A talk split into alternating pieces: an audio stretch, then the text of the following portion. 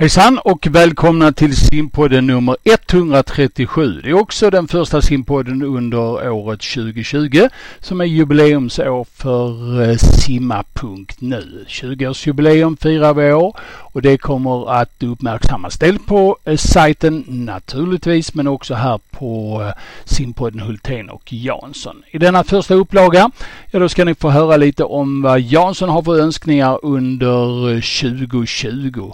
Så här vill han ha det. Men eh, det finns också en hel del annat smått och gott som vi ska avverka under den här första simpodden. Simpodden Hultén och Jansson nummer 137. Ni är varmt välkomna allihopa och allihopa ett riktigt gott nytt år. Nu kör vi igång! Nu ska vi snacka simning. Ja, om de gör det bättre, det vet jag inte, men de gör det oftare. Det är ju omänskligt.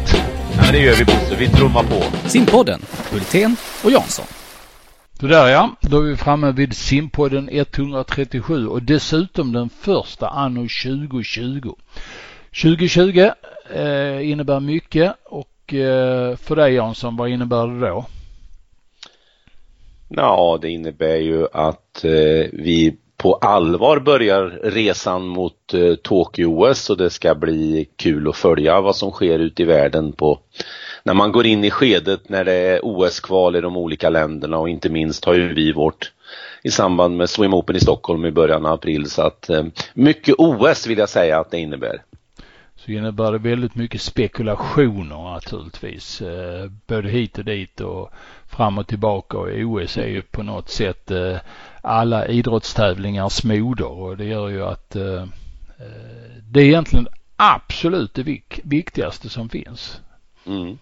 Det är ja. kul att försöka skriva resultatlistan innan det sker. Ja, ja det kanske vi skulle göra. Ja. Eh, göra en lista med samtliga segrar så får vi se hur mycket experter vi är egentligen. ja men vi kan ju avgå sen efter OS. Ja det kan vi göra. Ja. Eh, men sen är det så också att eh, eh Ehm, under eh, 2020 fyller ju Simma vår plattform eh, 20 år också den första maj. Och det ska vi ju försöka att eh, belysa både i podden men också på simmarna naturligtvis under resans gång här. Det är ju världens näst äldsta om jag förstår rätt podd på nätet som behandlar simning just nu så att det ska vi uppmärksamma. Det och mycket annat. Mm.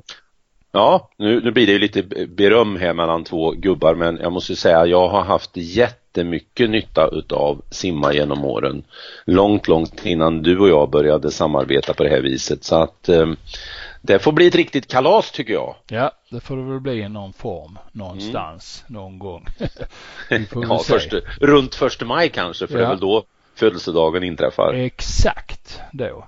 Men eh, det ska också bli lite eh, önskelistor inför 2020 och sen så lite synpunkter från er lyssnare och så ska vi snacka lite barnkonvention också. Men vi börjar med det där med önskelista.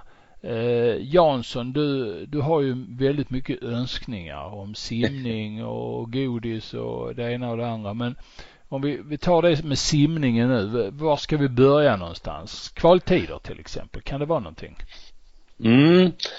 Alltså om, om, om jag får sätta upp saker på, på min önskelista när det gäller kvaltider då, då tycker jag att man ska våga pröva en fyraårsperiod att ta bort kvaltiderna för de som är över 20 år för att på allvar visa att man stimulerar vuxen simning och seniorsimning och hjälpa klubbarna att överbrygga det här momentet när man slutar gymnasium och eh, kanske måste korrigera lite i träningen och så ska man då jaga kvaltider och så vidare. Så att eh, bort med kvaltiderna för de som är fyllda, är över 20 år och över.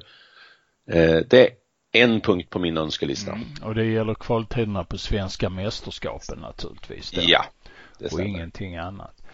Eh, sen har du lite mer när det gäller ja, grejerna ju, till exempel. Du har ju tju, du har tjuvläst lite det, ja, det jag, jag tecknade det. ner här för några dagar sedan.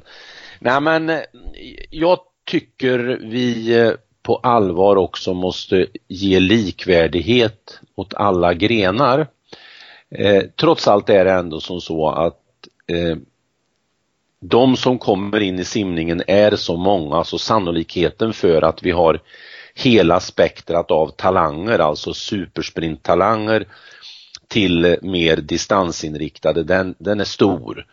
Så som vi idag hanterar programmen där det vissa grenar simmas väldigt sällan, eh, placeringen på ett mästerskap, våra egna attityder att det fortfarande är som så att ledare och tränare lämnar hallen när, när det är längre distanser till exempel. Jag saknar de kortare distanserna på sumsim 50 meters distanser och jag tycker till och med att vi skulle införa 25 meters distanser för att fånga upp de där supersprinterserna. De som på allvar skulle kunna vara en utmanare till en sån simmare som till exempel Caleb Dressel. Så att likvärdighet till grenarna, gärna spektrat från 25 upp till 1500. Mm. Att man till exempel kan våga ha 1500 på inbjudningstävlingar. Och ja. att eh, det helt enkelt är förbjudet att spela musik på 1500 meters lopp och spikarna ska uppfostras också i att eh, inte lägga ut speciella meddelanden precis innan det är försöken på 1500 och så vidare och så vidare. Det är en fråga om attityd naturligtvis va. Mm. Ja. Eh, ja. Medier har vi inte haft greppet om de senaste åren på det sättet som vi egentligen vill har vi nästan aldrig haft. Och det, det gäller både på, på det nationella och eh, på det regionala planet. Och det lokala. Det var ju lite enklare om vi tittar tillbaka i tiden att eh, om man fick lite tv-utrymme. När det bara fanns en tv-kanal så, så var man ganska väl tillgodosedd. Och, och i det här nya mediaklimatet eller eh, strukturen på hur, hur media ser ut så upplever ju jag att simningen har helt drunknat och det borde vi ju inte göra med tanke på hur vi värnar simkunnighet inte minst. Eh, så en, en riktig mediaplan och med riktig menar jag till de traditionella medierna att synas i de stora tidningarna, att vara prioriterad när det pratas simning i Radiosporten eller SVT och så vidare. Jag har nu försökt under de senaste veckorna när man summerar året eh, känna av hur, hur, hur viktig är simningen och tyvärr, vi, vi är vi är inte åsidosatta för det är ju stor konkurrens om det. Men vi märks ju inte alls som jag tycker en global idrott med så mycket framgångar eh, borde synas. Så att eh, ta vårt, det sjunkande mediaskeppet på allvar.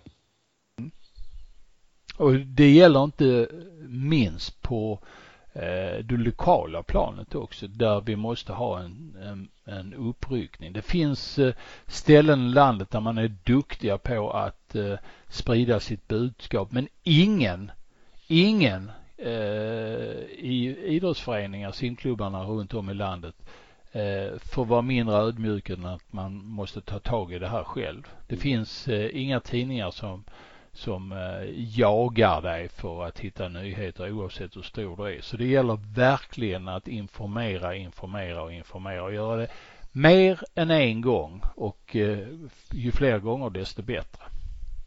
Ja. Ja.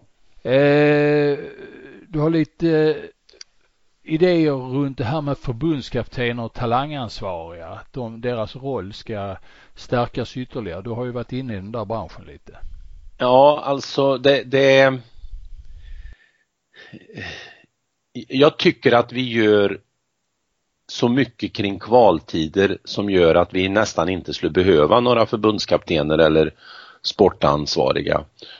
Och jag tror ju att Eh, den här jakten på kvaltider som är i, i många stycken flera gånger per år eh, är mer hämmande än utvecklande. Och eftersom eh, det till olika mästerskap och så vidare finns internationella regler att förhålla sig till så tycker jag att eh, vi ska inte sätta upp hermetiska kvaltider utan eh, förbundskaptenerna ska likt många andra idrotter kunna ta ut trupper utifrån att de ser att det här är en, en jag tror på, som jag vill satsa på Och då kommer ju det här klassiska rättvisa och det ska vara objektivt. Någon sån existerar ju egentligen inte i idrotten från början. Vi föds olika in i det med olika förutsättningar. De klubbar man är i har olika förutsättningar. Eh, tränarnas kompetenser och förmågan är olika. Jag tycker att eh, förbundskaptenerna ska ha en mycket friare roll att forma sina landslag. Men när du säger att man ska eh, slopa kvaltider, ska man behålla det man kallar rikttider?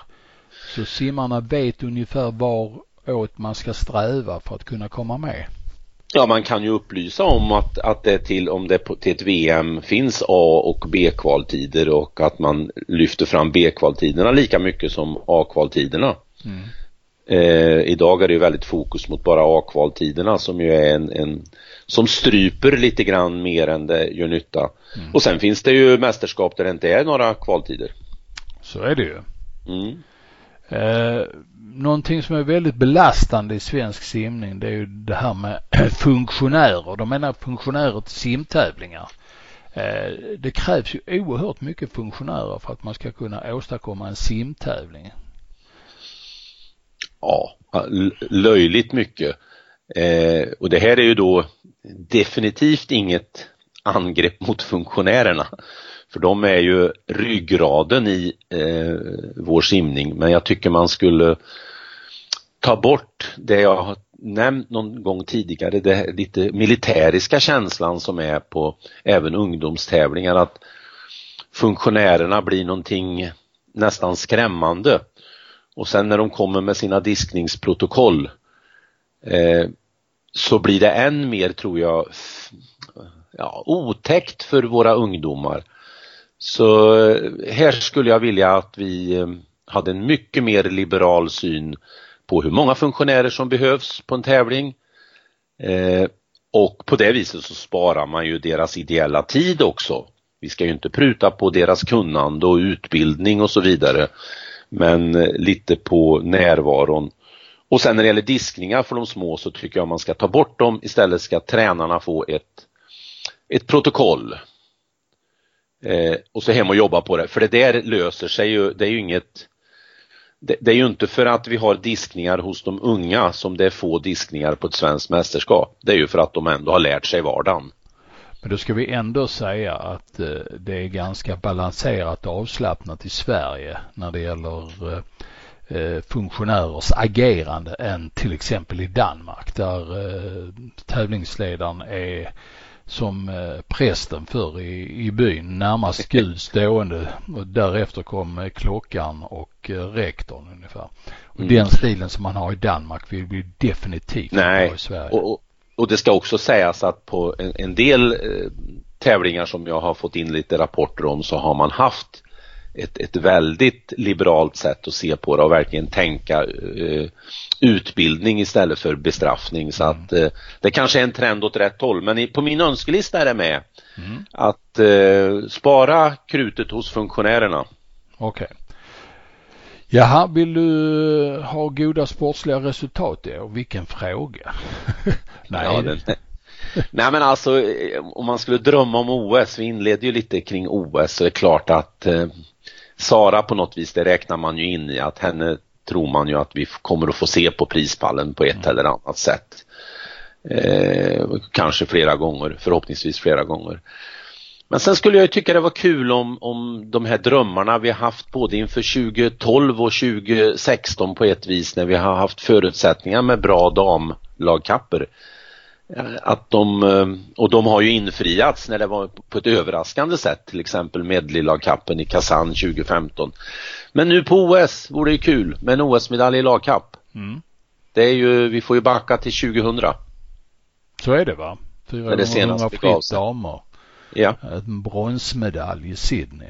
Mm, med en heroisk simning av Kammerling på slutmetrarna när hon egentligen inte hade några krafter kvar men mm fick in handen i mål mm. först. Mm. Eller ja, före den som konkurrerade om tredjeplatsen.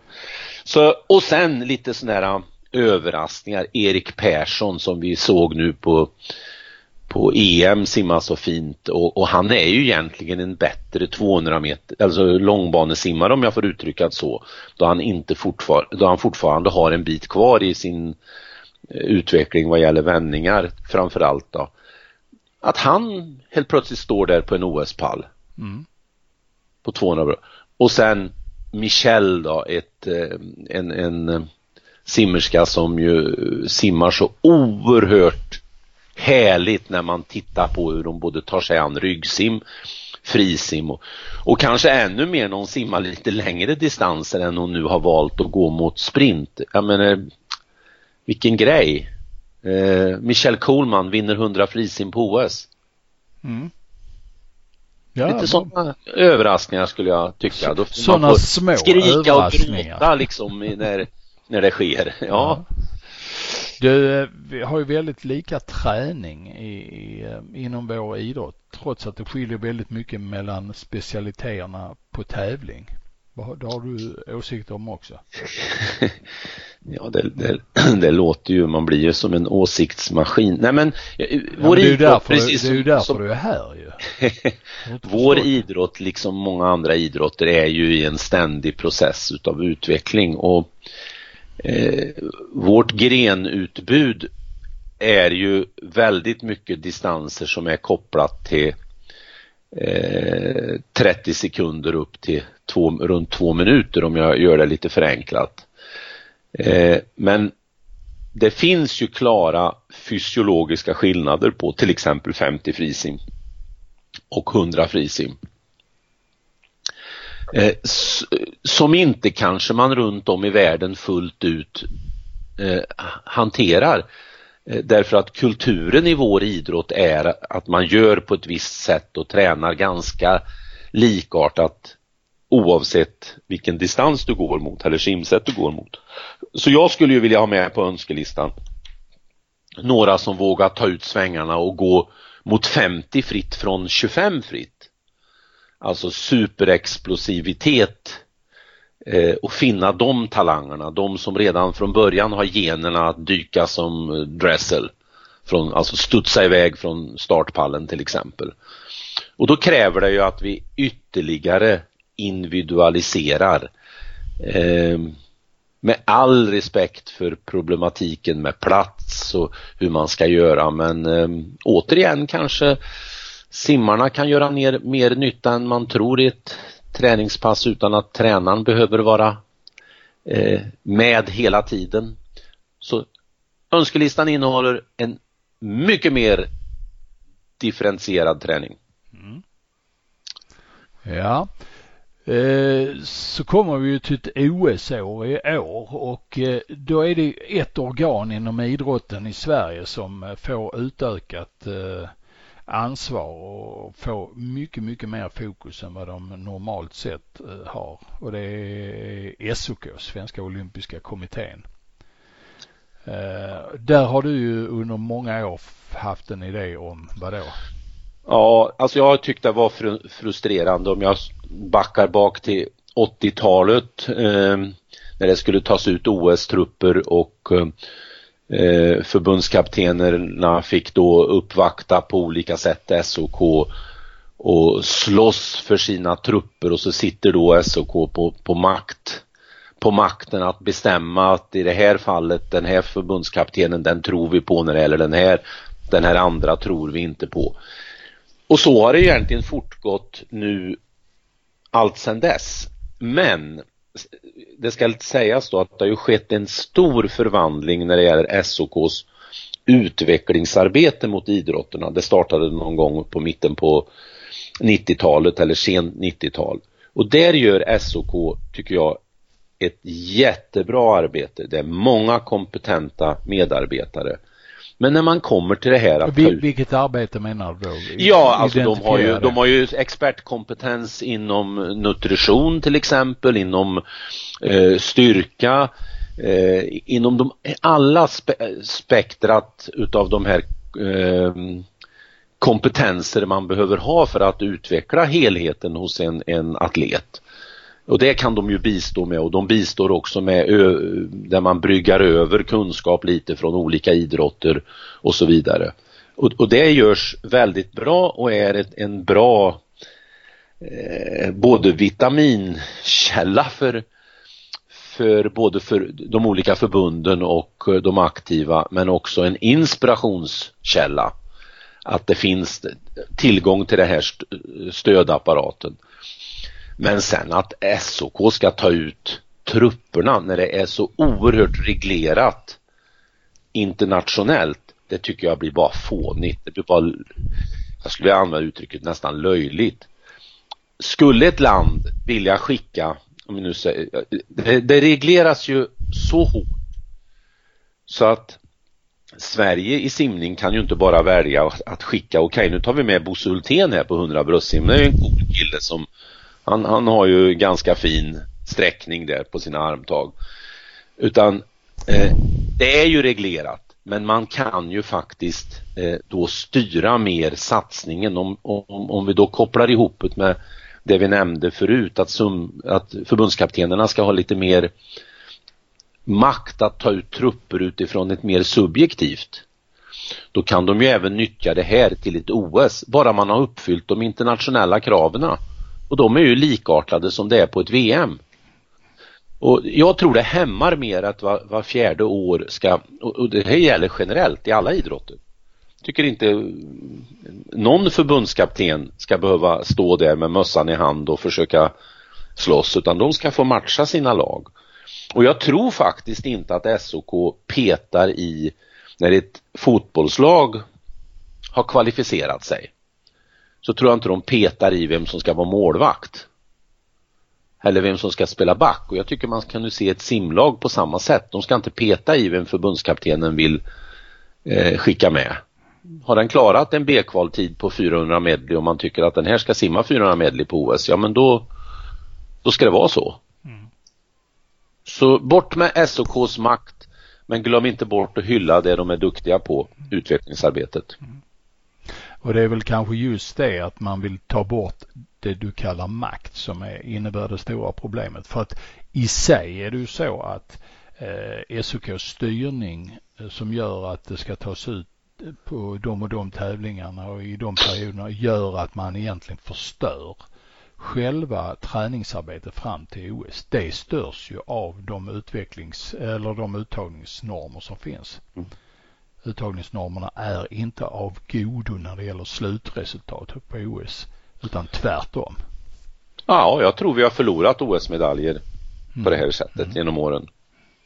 En av våra käpphästar i simpodden Hultén och Jansson det är ju SVTs agerande och deras ansvar eh, när det gäller att exponera idrotter i tv som vi inte riktigt tycker att eh, man eh, tar ut till fullo. Eh, man snackar idag om att eh, det är världens mest jämlika tv-kanal när det gäller exponering av nyheter i nyhetssammanhang. Eh, och då snackar vi jämställdhet. Där det idag ligger 45-55 eller någonting sånt där. Men när det gäller själva evenemangssändningarna så är ju det långt ifrån en jämställdhet på SVT i sändningarna. Och sen så har man då sina sex utvalda idrotter som gör att enligt vårt sätt man bryter mot det public service-avtal som eh, SVT har skrivit med, med oss, det vill säga oss medborgare i Sverige. Vad har du för åsikt om det idag så här ja, de, in på nyår?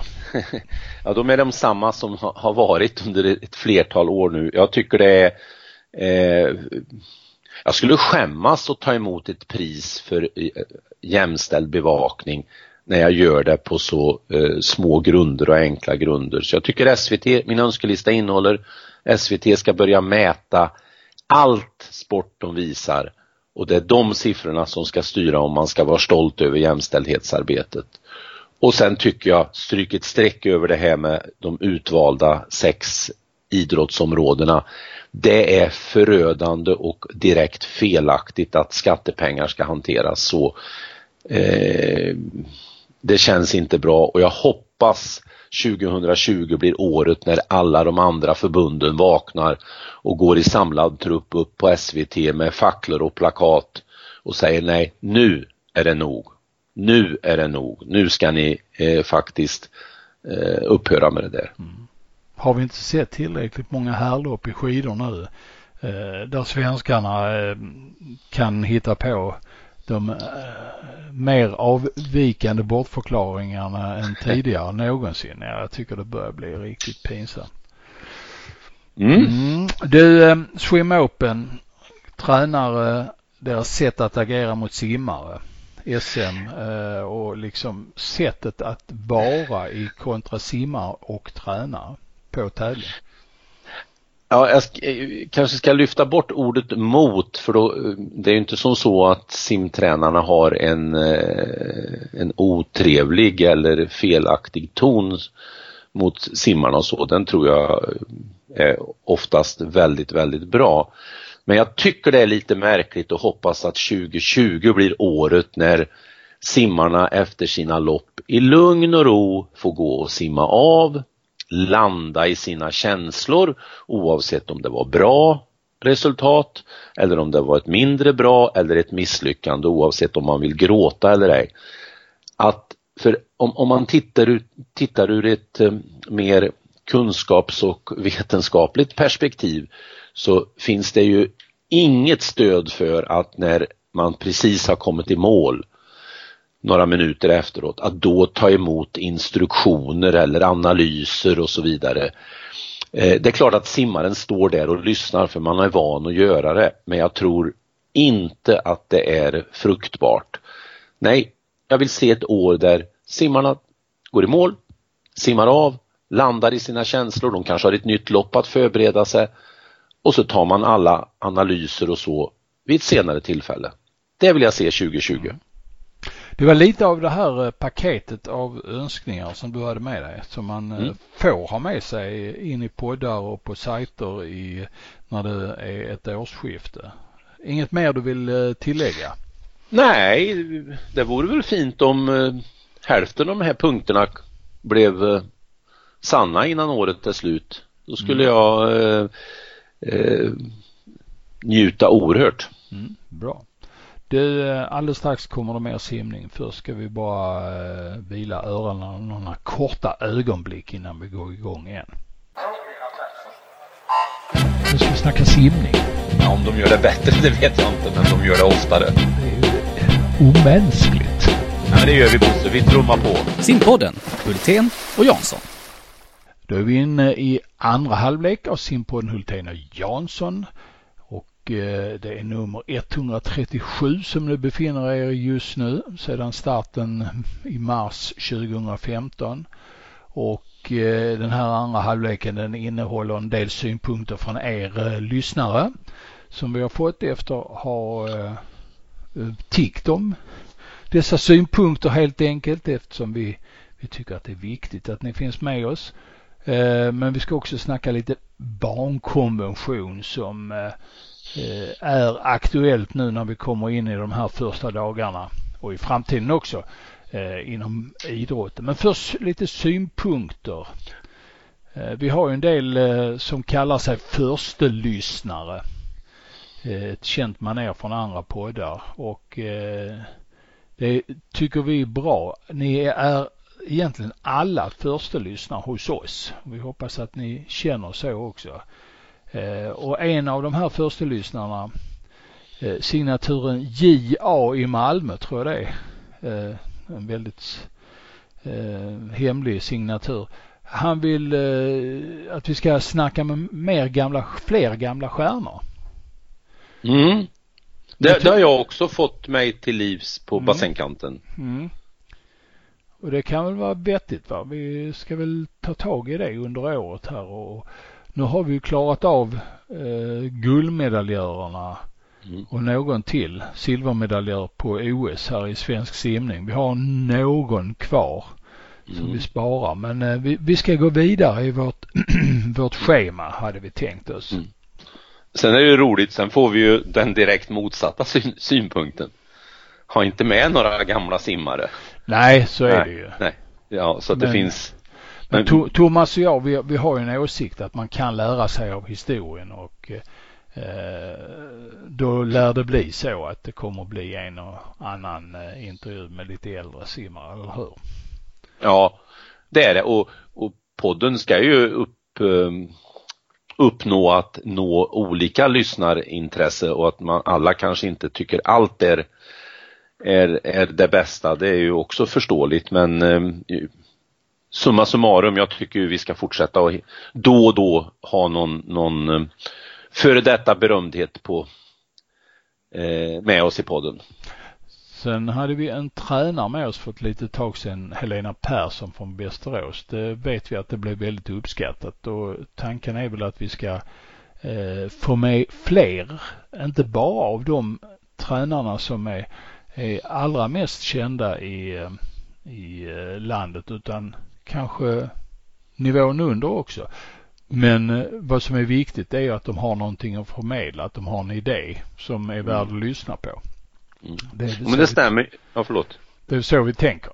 Mm. Jo, men, och, och, och det stämmer. Även där har, har några kommenterat till mig att nej men gud, gör fler nedslag eh, på tränare som inte kanske är i ropet så mycket som, som de mest kända. Så det tar vi med oss också mm. inför 2020. Mm. Vi har ju eh, ständiga medarbetare fram till OS eh, 2020 eh, i form av Jenny Gustafsson som tränare och numera också som talangutvecklare i simförbundet. Va? Men eh, eh, vi, vi, ska naturligtvis ha fler röster. Det är viktigt. Mm. Mm. Och sen och, det här med personer, personer med vetenskaplig touch inom olika idrotter. Mm. Är det du som uh, har fått det, det till liv? Ja, ja alltså bara för, för en kort stund, kort, inte stund, kort tid sedan så, så fick jag det inspelet att eh, kan inte bjuda in någon som, som kan något, uttryckte sig den här personen. Mm. Jag vet inte om tolkningen var att du och jag då inte kan men, Nej, men, vi har ju men, men när, när, när vederbörande utvecklade det där så handlar det om att då eh, passa på om, om vi nu tänker oss att vi har ämnet barnkonvention, ja då kanske man eh, vid något tillfälle försöker hitta någon som, som kan det på allvar. Eller om vi pratar styrketräning eller om vi pratar något annat. Att, att våga ta med. Och, och vi har ju eh, kanske inte haft med någon sån eh, karaktär någon gång så att vi får väl ta och fundera lite på det också. Mm. Det är spännande. Mm. Eh, frågan om det här med att eh, eh, träna killar och tjejer tillsammans alltid. Det är någonting som också har eh, eh vållat eh, våra lyssnare lite bry. Vad har du att säga om det? Nej men historiskt sett så har ju egentligen simningen eh, varit att man har tränat eh, tillsammans även om det då, eh, om vi tittar tillbaka, har funnits till exempel en klubb i Göteborg som heter Najaden där det bara var flickor och kvinnor som, som simmade. Eh, och vi har haft klubbar där man har delat det och det, delat damer och herrar och det mest eh, eh tydliga exemplet som också var oerhört framgångsrika det var ju Stockholmspolisen under 60 och 70 och egentligen 80-talet också. Eh, idag är det väl nästan inget ställe som jag känner till i alla fall där man delar upp det så, så tydligt som det gjordes då. Och det har jag fått lite inspel på. Eh, borde vi, eh, vad ska vi säga, fundera lite mer? Skulle det finnas vinster på att vi i, i vissa sammanhang gjorde det mer? Eh, det finns ju till exempel eh, en, en professor som heter Martin Ingvar och han, han är professor i neurovetenskap. Han har ju eh, kollat lite på hjärnans utveckling på pojkar och flickor. Och det är klart, tittar man på de delarna då kanske både skolsystemet med åldersklasser och tävlingssystemet skulle se annorlunda ut. Det är ju en infallsvinkel. En annan infallsvinkel är ju att eh, eh, det var tre, tror jag det var, svenska Eh, jag vet inte om de var professorer här, det får jag nästan läsa på, men de gjorde ju en studie, eh, studie tidigt 2000-tal om prestationsutveckling. Eh, och man kommer in på eh, könshormoner, pubertet. Eh, och allt det här är ju då kanske saker som vi under en period inte har lyft så mycket ur perspektivet ska damer och herrar träna tillsammans eller skulle det finnas vinster? Så det inspelet har vi också fått. Ja. Sen vill vi kanske få med mer eh, generella erfarenheter, inte bara kontra damer och herrar så, utan generella erfarenheter också från eh, simtränare. Jag tycker väl själv att de senaste 10-15 åren har det funnits en stor svaghet i svensk simning. Och det är att eh, svenska simtränare har inte riktigt eh, visat vad de gör. Inte vågat exponera sig. Det finns någon form av jantelag inom svensk simning som är, starkare än inom andra områden i samhället. Och vi skulle vilja komma åt mer eh, idéer utifrån fältet för att förmedla. Ja, och, och, där fick vi ju ett lysande exempel 2019 när vi hade med Göran Westerlund som Absolut. är head coach borta i Los Angeles. Mm. Han, han har ju en tydlig idé och han vågar stå för den och han kan på ett entusiasmerande sätt beskriva den. Mm. Och det saknas, saknas, ja. saknas i svensk simning tycker jag. Mm. Eh, vi som har varit med ett tag, vi, vi minns ju profilerna på gott och ont som fanns på 60 och 70 och kanske också på 80-talet som gjorde att simningen var lite mer färgstark då eh, i person, persongalleriet än vad den är idag. Ja, det fanns ju en, som du säger på gott och ont, det fanns ju en baksida där att man var ju, jag kommer ihåg mina första tränarkonferenser, man vågade ju inte yttra sig för, av rädsla att någon skulle liksom nästan slå en på fingrarna. Så det är en balansgång med att ha högt i tak och att ändå inte det blir liksom fel för den enskilde. Så, ja, jag håller med dig där. Det skulle kul att höra fler hur de tänker i sin ja kring sin simning och varför de gör som de Ja. Och är det så att man har idéer som man verkligen vill vill få ut eh, kontakta oss så kan vi väl ta snacket och se om det finns någonting eh, att snacka om i podden. Då gör vi väldigt gärna det. Och vi, vi snackar gärna simning på många olika nivåer, inte bara mm. på högsta elitnivå utan eh, en bit ner också. Det, mm. det, det är spännande att, att, lyssna på er. Så att har ni en idé, hör av er till oss så är vi jättetacksamma så ska vi väl gemensamt liksom kunna hitta på eh, någonting att göra med just den idén. Mm. Jaha, hade vi mer synpunkter från eh, lyssnarna? Nej, men jag tycker det har varit eh, intressant och väldigt trevligt att vi i höst har fått betydligt fler inspel än vi eh, har, har fått tidigare år så de har ju hörsammat vår uppmaning. Ja. Så att eh, har ni åsikter så hör gärna av er eh, direkt till Thomas eller mig eller skriv till simma snabblatelia.com simma snabblatelia.com och kom med era synpunkter den vägen.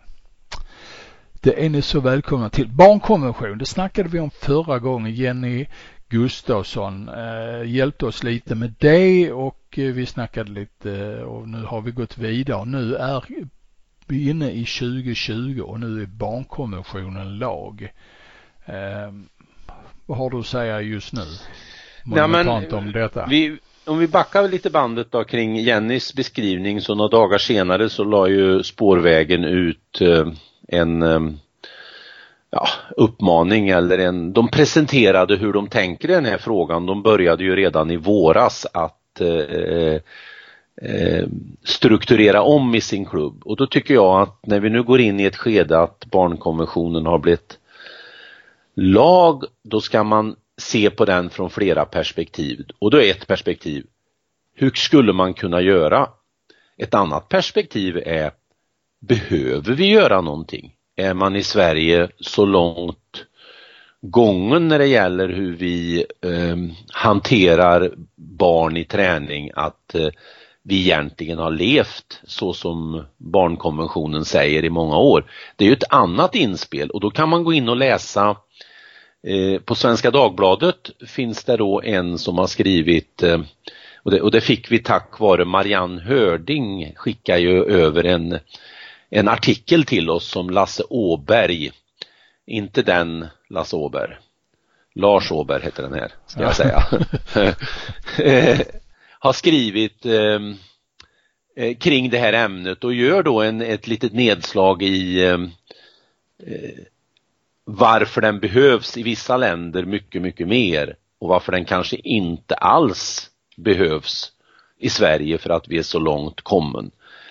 Eh, tar jag in mitt eget perspektiv i det hela så tycker jag barnkonventionen på ett område är eh, eh, något vi behöver fundera kring och det är just det vi, jag nämnde inledningsvis på önskelistan, det här med eh, går du in i simningen så ska du med din, eh, ska, ska du ha samma möjlighet oavsett vilken talang du har.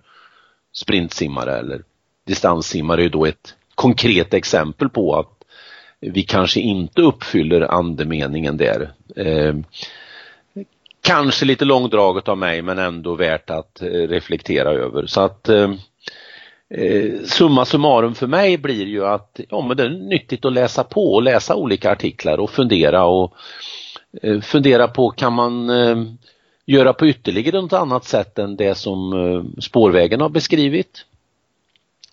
Så jag tycker det är spännande när det händer grejer som gör, ger oss skäl att reflektera. Mm. Mm.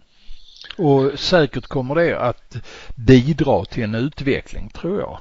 Mm. Eh, även om det finns då vissa som kan tycka att barnkonventionen eh, ytterligare löser upp så att säga eh, auktoriteternas förhållande och grepp om de yngre generationerna så, så har ju det, det kan man bara se på så länge vi har levat då hur, hur uh, utvecklingen har varit i samhället och det, den har ju varit till en godo. Även om mm. det finns delar av den utvecklingen som har varit negativ så finns de stora delarna har varit väldigt positiva och det är väl samma sak med eh, nu när barnkonventionen blir lag va? att eh, det kommer hitta sina vägar och det kommer till eh, 90% säkert att bli en, en utveckling av positiv art även om om de gamla krafterna säkert strävar emot lite initialt. Mm. Ja, så är det. Så att, eh, mm. eh, att studera och reflektera är alltid nyttigt. Ja. Jaha.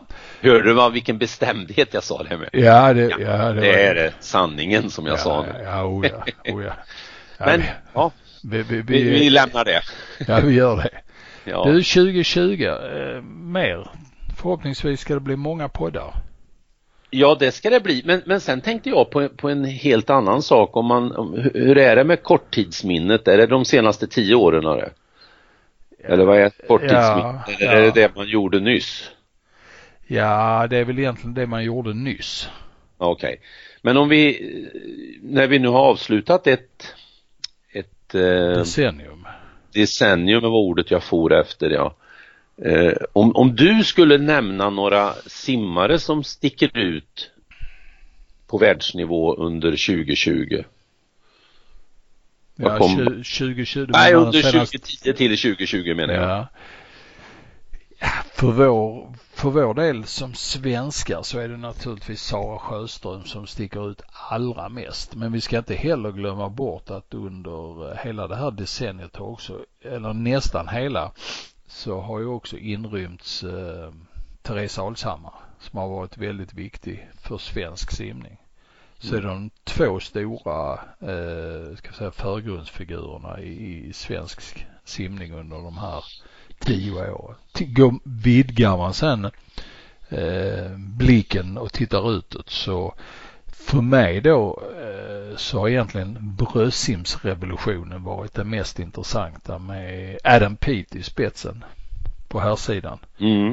Eh, men också andra. Det, har, det finns ju så oerhört många bra simmare idag va? när man blandar mellan lång och kort bana så att eh, jag tyckte väl att det var väldigt spännande att se de här riktiga unga simmarnas återkomst allra överst på, på prispallarna i och med Ruta Meliotyt tog OS-guld 2012. Men det bevisade också sårbarheten i att komma fram alldeles för tidigt. Va?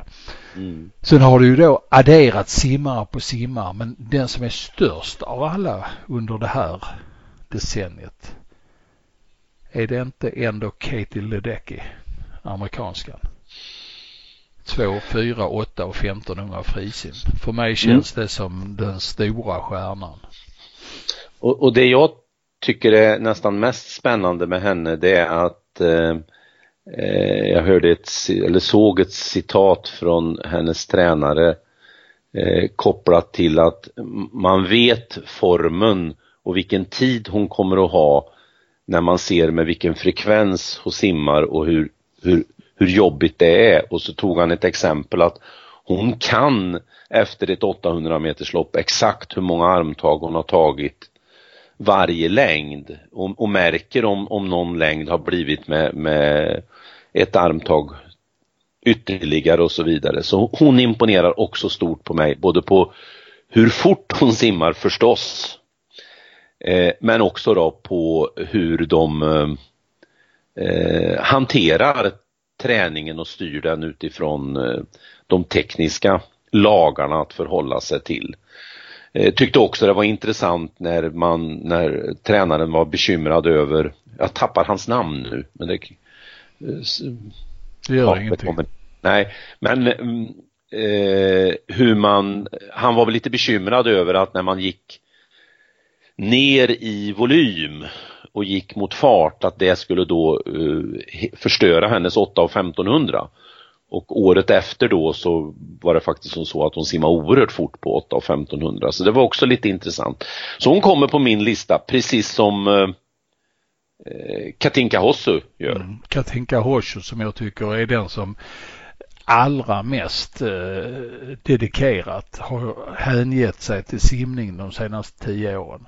Men eh, fantastisk energi, engagemang, eh, professionalitet, eh, kommersialism naturligtvis. Men en, en hängivenhet och en riktig kontinuitet under många, många, många år som imponerar till mig, på mig och jag tycker hon är fantastisk.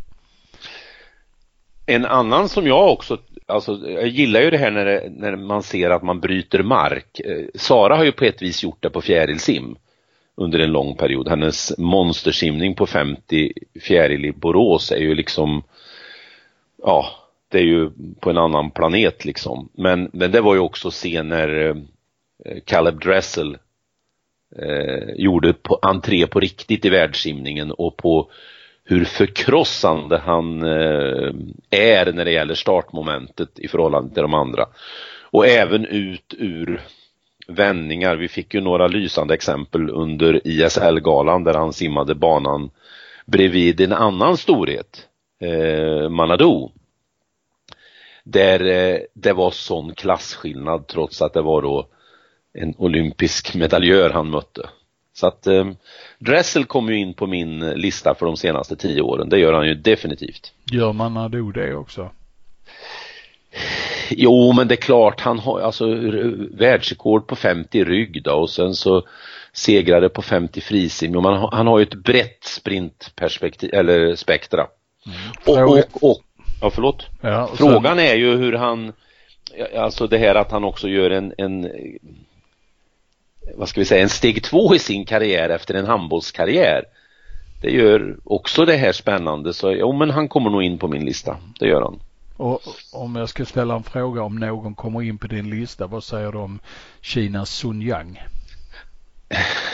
Ja men så länge inte någon är dömd eh, som vi tar det senaste nu, det, det, ska väl komma här i januari eller februari vad, vad det handlade om.